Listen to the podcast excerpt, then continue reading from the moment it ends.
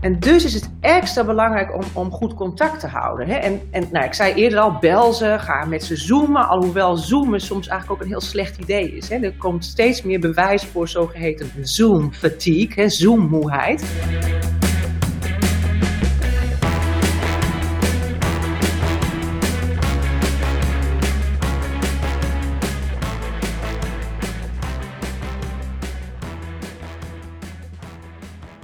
Welkom en fijn dat je luistert naar de tweede aflevering van de Leiden Leadership Podcast. Alles over publiek leiderschap.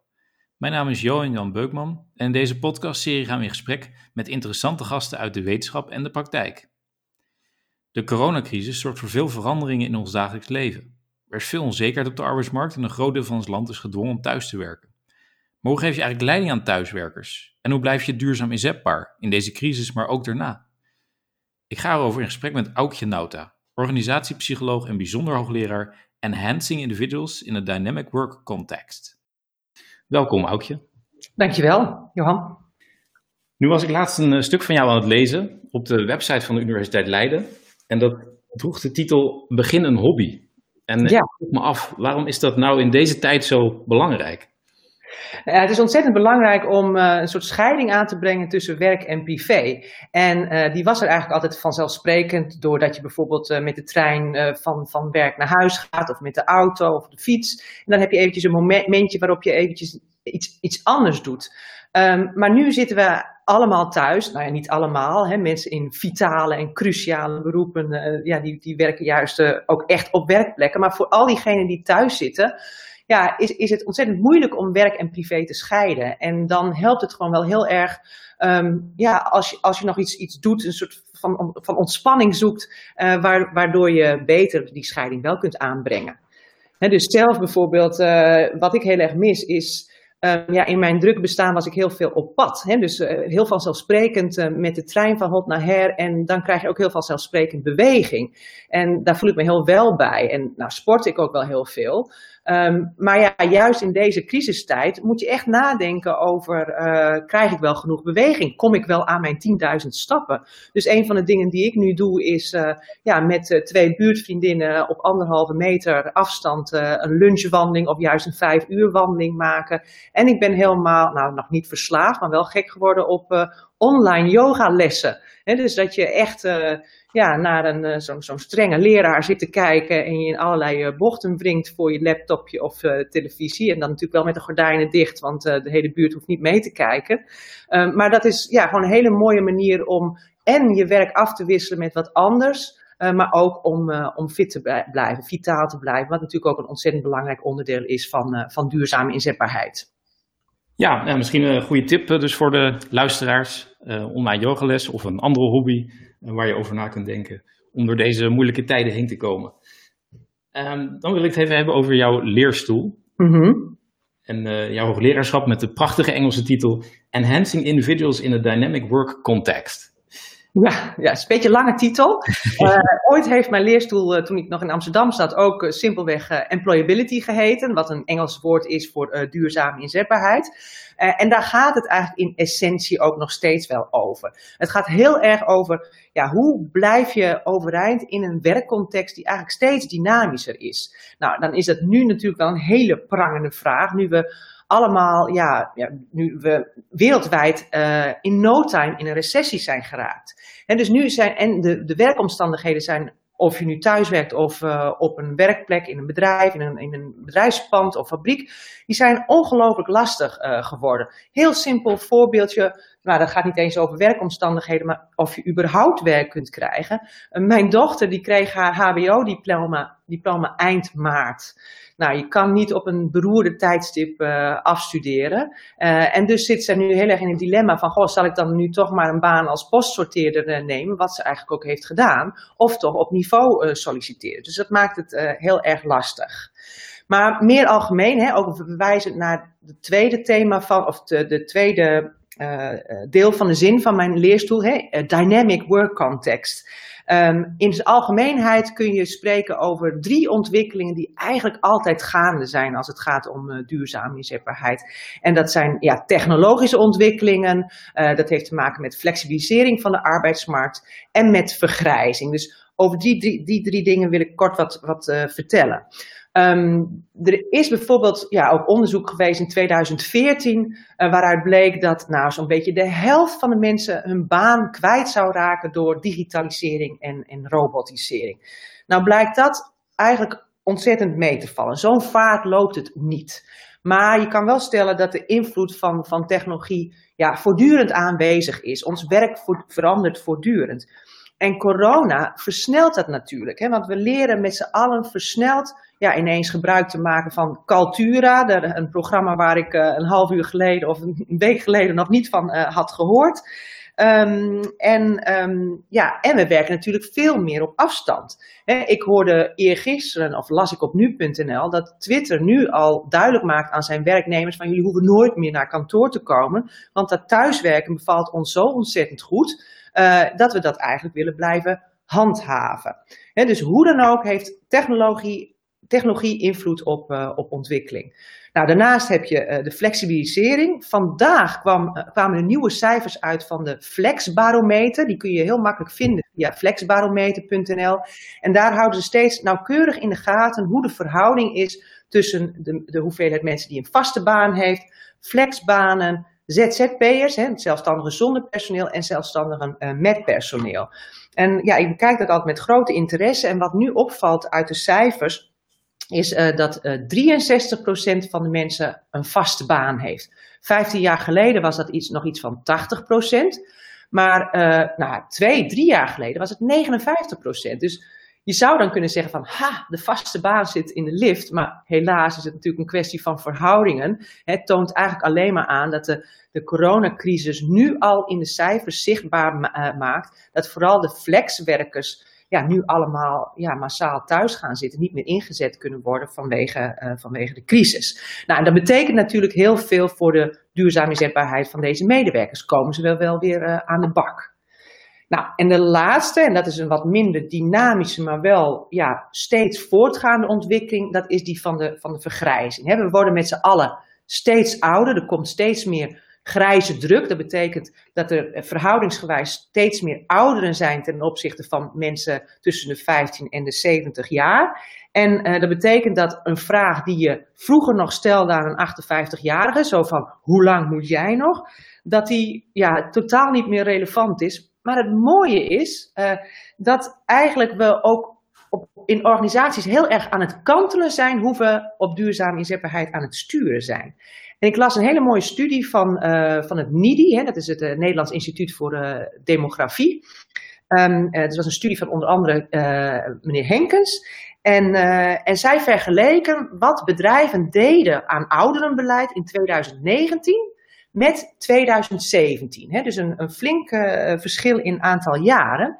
En zij konden het beleid clusteren in drie typen beleid, namelijk dat, mensen, dat organisaties helemaal niks doen uh, dat ze vooral sturen op ouderen zo snel mogelijk uh, met FUT en prepensioen sturen. Of juist activerend beleid waarin je van alles doet om te zorgen dat mensen nog opleiding, trainingen krijgen, ergonomische aanpassingen, etc. Nou, wat blijkt? Het is echt helemaal aan het kantelen. In 2019 deed 47% van de organisaties helemaal niks. Uh, nu is het nog maar 30%. In 2019 had 21% exitbeleid. In 2017 is dat nog maar 6%. En als je dan kijkt naar activerend beleid, dan is dat gestegen van 19% naar 52%. En met name het trainen en opleiden van ouderen, dat is drastisch gestegen met een factor 5.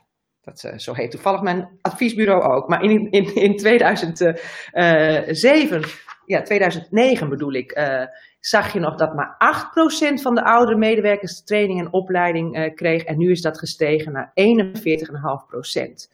Dus, um, nou ja, maar naar welke ontwikkelingen je ook kijkt, hè, of dat nou technologisering is, of flexibilisering of vergrijzing, steeds geldt voor mensen dat het waanzinnig belangrijk is om te blijven leren, groeien, ontwikkelen en vooral ook nadenken over je plan B en je opties die je hebt op de arbeidsmarkt.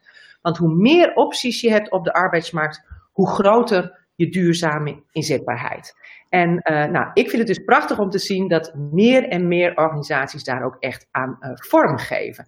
En nou ja, een van de vragen die ik mooi zou vinden om straks in ja, kleine groepjes uh, te bespreken is, ja, wat is het in jouw werkcontext waar je momenteel de grootste verandering ziet, waar je misschien wel van wakker ligt?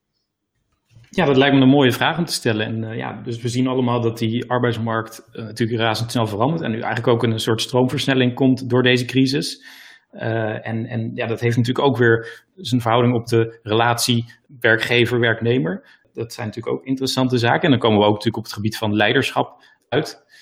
Ja, heb je daar nog wat over te vertellen? Hoe leiderschap daarin ook uh, veranderingen teweeg uh, kan brengen? Of hoe de leiders moeten Ja, nou laat ik het dan nu eh, vooral toespitsen ook op van, ja, hoe je eigenlijk leiding geeft aan thuiswerkers. Want dat wordt natuurlijk steeds belangrijker. Hè, het is, ja, ik als psycholoog, wetenschapper vind ik het ook wel weer mooi om te zien dat we eigenlijk met z'n allen onverwacht in één groot afgedwongen experiment zijn beland, hè, waarin we versneld leren um, ja, of thuiswerken eigenlijk een goed idee is en hoe je leiding geeft aan uh, thuiswerkers.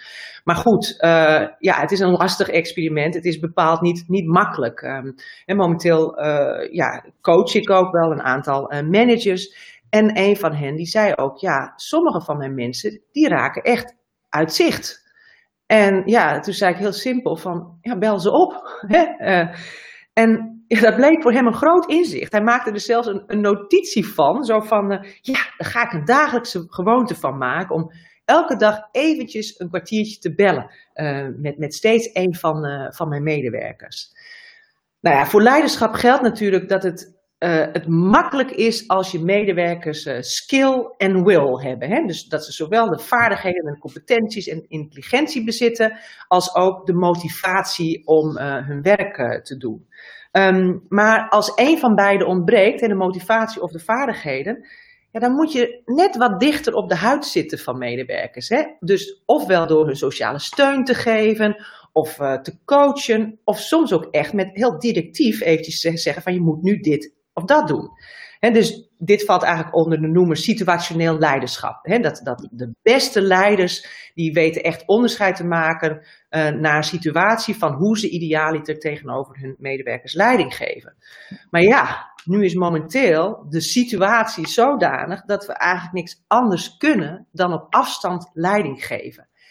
En bij velen pakt dat ook eigenlijk verrassend goed uit zo sprak ik een, eh, een topambtenaar van uh, een van de ministeries. En uh, die zei ook, ja, we werken nu massaal thuis. En ik ben echt onder de indruk van de hoeveelheid werk die we met z'n allen gedaan krijgen. Dus wat dat betreft vind ik het al een heel mooi hoe dit experiment uitpakt. Dat mensen eigenlijk leren dat je mensen, je medewerkers veel meer kunt vertrouwen dan we tot nu toe eigenlijk deden. Kan je dan ook zeggen dat werknemers ook veel meer zelf leiderschap tonen? Dat ze door die autonomie ook meer uh, actie ondernemen om bijvoorbeeld keuzes te maken, om initiatief te nemen. Ja, ja hè, maar wat ik dan wel heel erg aan kan aanraden is dat zelfleiderschap is belangrijk, maar dat je ook realiseert van ik kan het niet alleen. Hè, en dat betekent dat ja, voor, bijvoorbeeld voor zelfleiderschap, wat er ook heel erg bij past, is dat je nou ja, een buddy zoekt, hè, gewoon een van je leukste collega's of een collega waar je van kan leren, uh, zodat je ook elkaar opbelt. Je hoeft natuurlijk niet door je baas opgebeld worden. Het is ook heel erg leuk om een alternatief te vinden voor dat bakje koffie in de deuropening. Uh, ja, door met één of meerdere collega's ja, regelmatig eventjes uh, te bellen. Ja. ja. En we moeten natuurlijk nu allemaal uh, ook omschakelen in de manier waarop we ons werk doen. ja. Dus, dus zoals we het gewend waren, nou, dat, dat wordt nu eigenlijk behoorlijk door de war geschopt, zou je kunnen ja. zeggen. Uh, dus we moeten ons onwees aanpassen aan een, aan een nieuwe situatie, een nieuwe manier van, van werken, een nieuwe manier van, of nieuwe dingen leren ook. Uh, dus alles gaat nu digitaal. Dus als ik even in de context van, van de universiteit plaats. Dus al het onderwijs natuurlijk nu digitaal. hoe, hoe ga je nou om met deze onzekerheid? En kan een, kan een leidinggevende daar ook nog ja, wat bij helpen bij die onzekerheid? Ja, nou ja, de, de beste tool die een leidinggevende tot zijn beschikking heeft, is natuurlijk het goede gesprek. Um, dus, dus het is heel erg belangrijk om ja, contact te geven, uh, contact te houden, aandacht te geven aan je, aan je mensen. Zeker ook ja, omdat er alle redenen ook kunnen zijn waarom iemand niet lekker in zijn vel zit uh, momenteel. Je angst voor corona, uh, angst voor baanverlies, prestatiedruk, motivatieverlies. Ja, kinderen die thuis zitten, waardoor het waanzinnig lastig is om, om te werken. Eenzaamheid, voor, voor de mensen die single zijn. En dus is het extra belangrijk om, om goed contact te houden. Hè? En, en nou, ik zei eerder al, bel ze, ga met ze zoomen. Alhoewel zoomen soms eigenlijk ook een heel slecht idee is. Hè? Er komt steeds meer bewijs voor zogeheten zoom-fatigue, zoommoeheid omdat ja, wat zoomen zo lastig maakt, is ja, dat je de, ver, de non-verbale signalen eigenlijk niet zo goed kunt lezen. Dus je, je bent met je brein continu bezig van, wat zit er eigenlijk achter wat diegene zegt. terwijl je normaal je brein onbewust eigenlijk al heel veel doet met allemaal non-verbale signalen. Dus ja, als je dan toch aandacht wil geven, waarom zou je niet af en toe eens de moeite nemen om ja, ook echt naar een collega toe te gaan voor een anderhalve meter wandeling? Dat is win-win. Je bent allebei bezig met je vitaliteit door een goede wandeling te maken. En je hebt ander, beter contact dan via telefoon of via Zoom of, uh, of welke uh, app dan, uh, dan ook.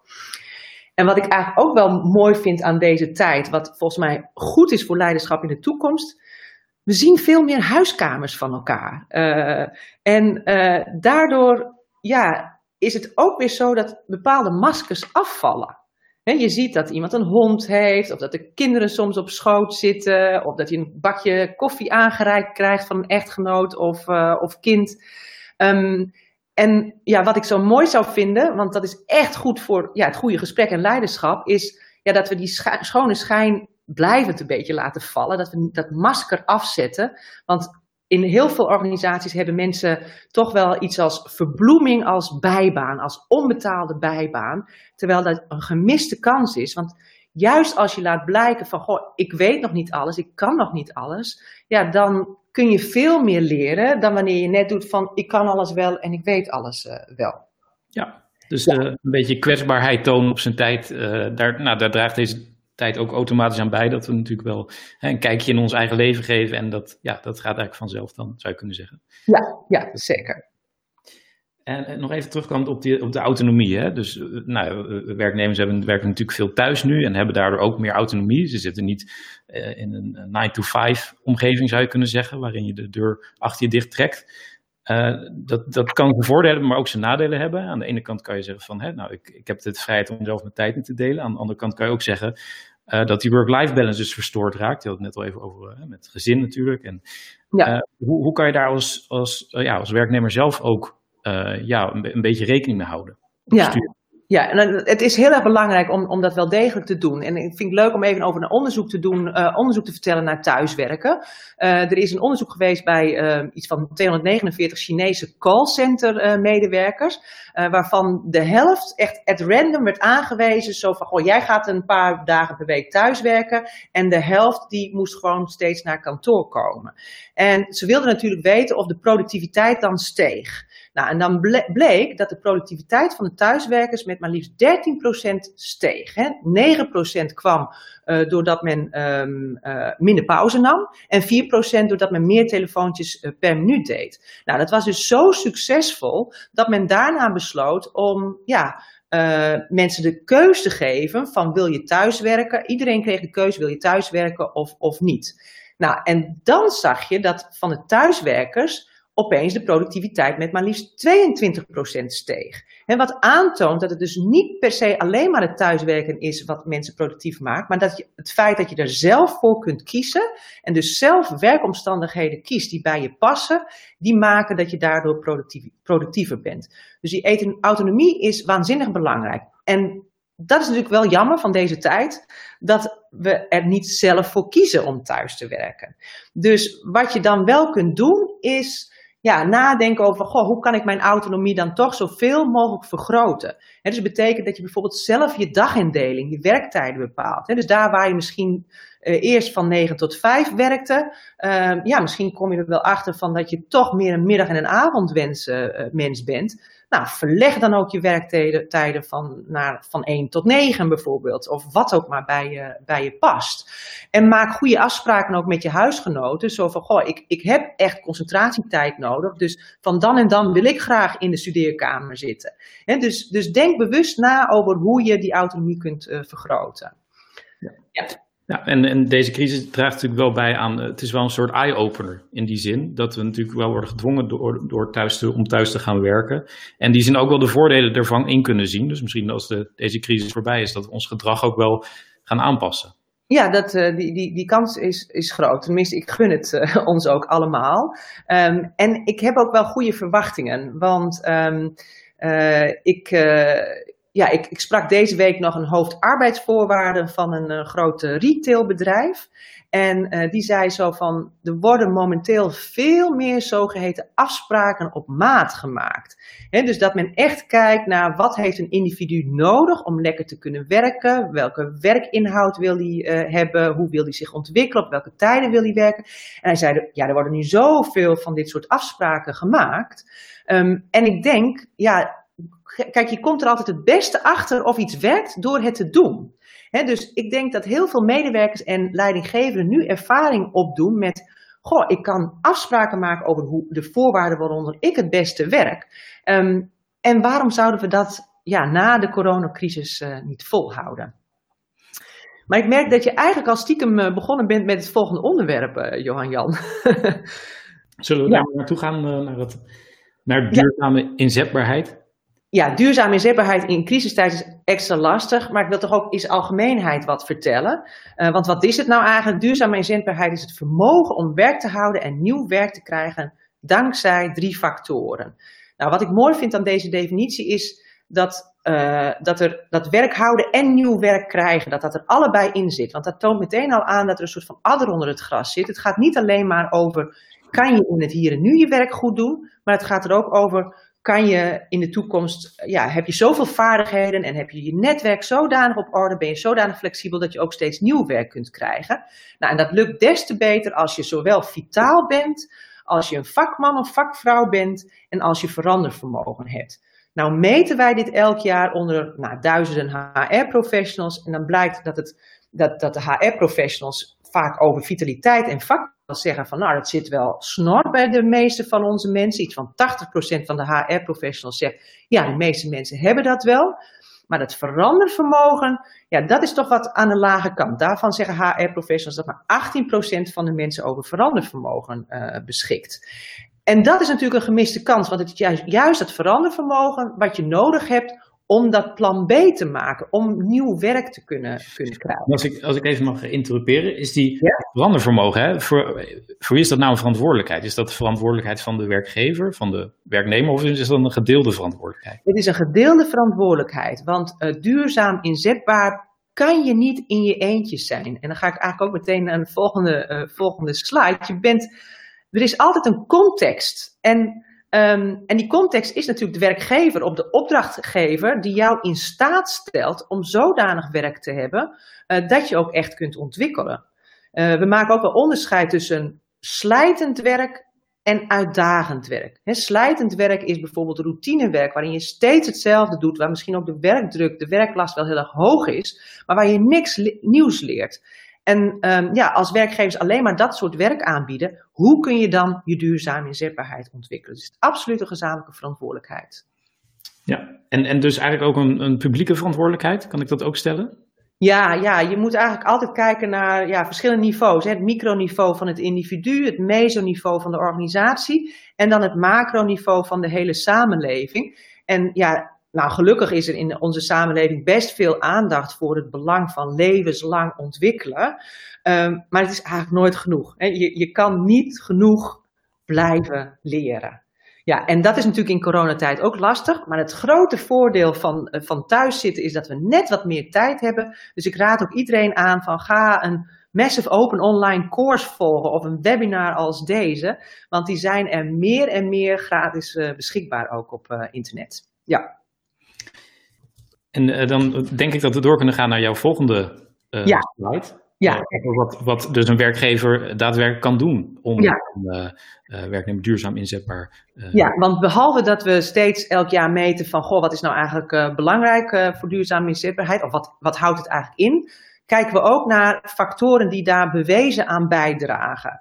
En uit onze enquêtes hebben we een soort van vijftrapsraket vastgesteld. Dit is geen rocket science, uh, maar het, ja, het, is eigenlijk heel simpel. Iedereen kan het bedenken, maar het is mooi dat het aangetoond is dat deze factoren ook echt bijdragen. En de eerste daarvan is uh, leerruimte. En dan bedoel ik niet alleen maar dat je genoeg ruimte hebt voor training en opleiding, maar juist ook dat er in het dagelijkse werk ruimte is om te leren. En ja, ik ben bijvoorbeeld dol op uh, buddy systemen. Dus dat je ja, een, een, een maatje hebt die, van wie je veel leert of aan wie je veel kunt leren.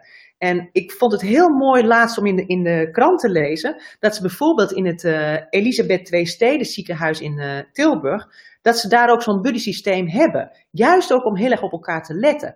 iedereen die houdt één iemand in het bijzonder in, het gaat, in de gaten.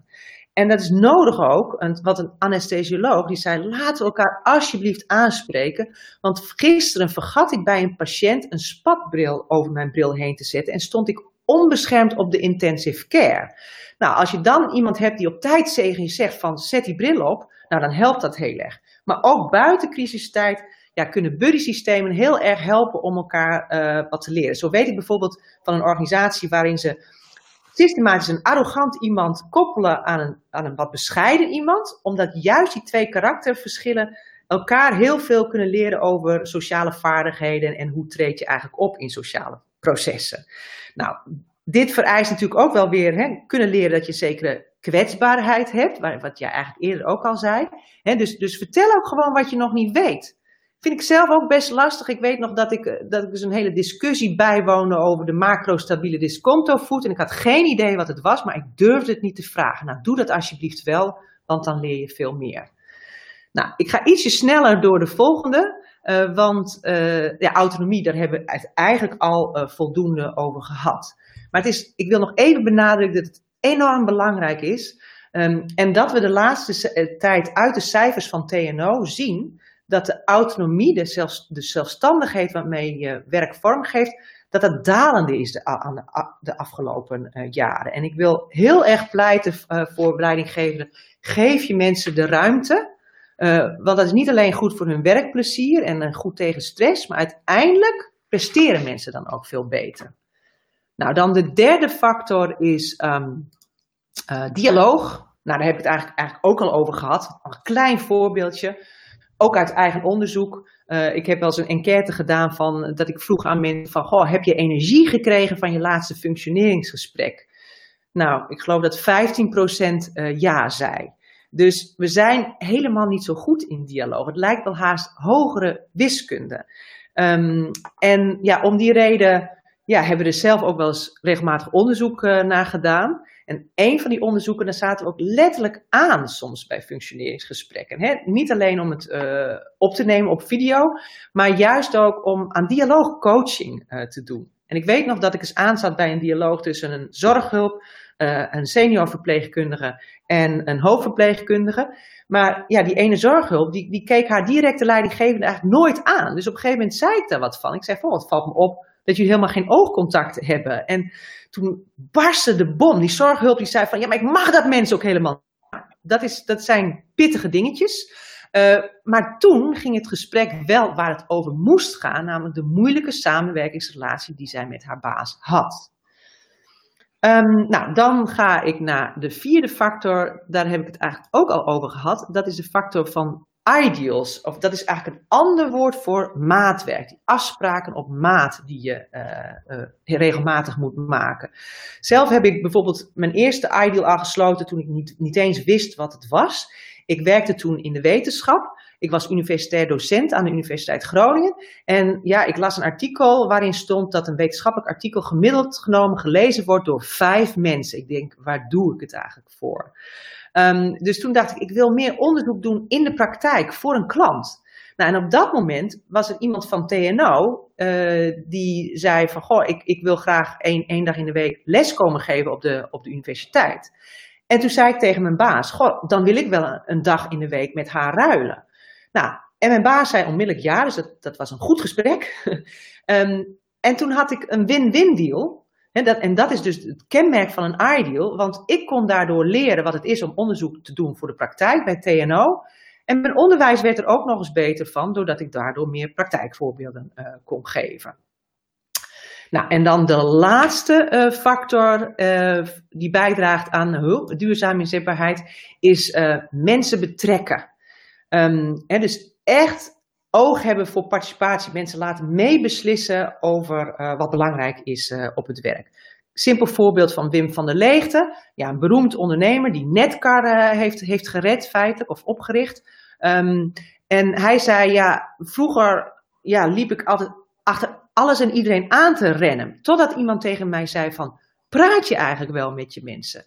Nou, vanaf dat moment is hij echt overleg gaan voeren met zijn mensen. Zijn voormannen erbij betrekken. Hè? Helemaal inlichten over ja, alles rondom de productie. De levertijden, de, de betrouwbaarheid, de, hoe het met de omzet ging. En daardoor, ja, door zijn mensen te betrekken, gingen die mensen opeens eigenlijk mee ondernemen. Waardoor hij zelf veel meer tijd over had om zijn eigen imperium uh, op te bouwen.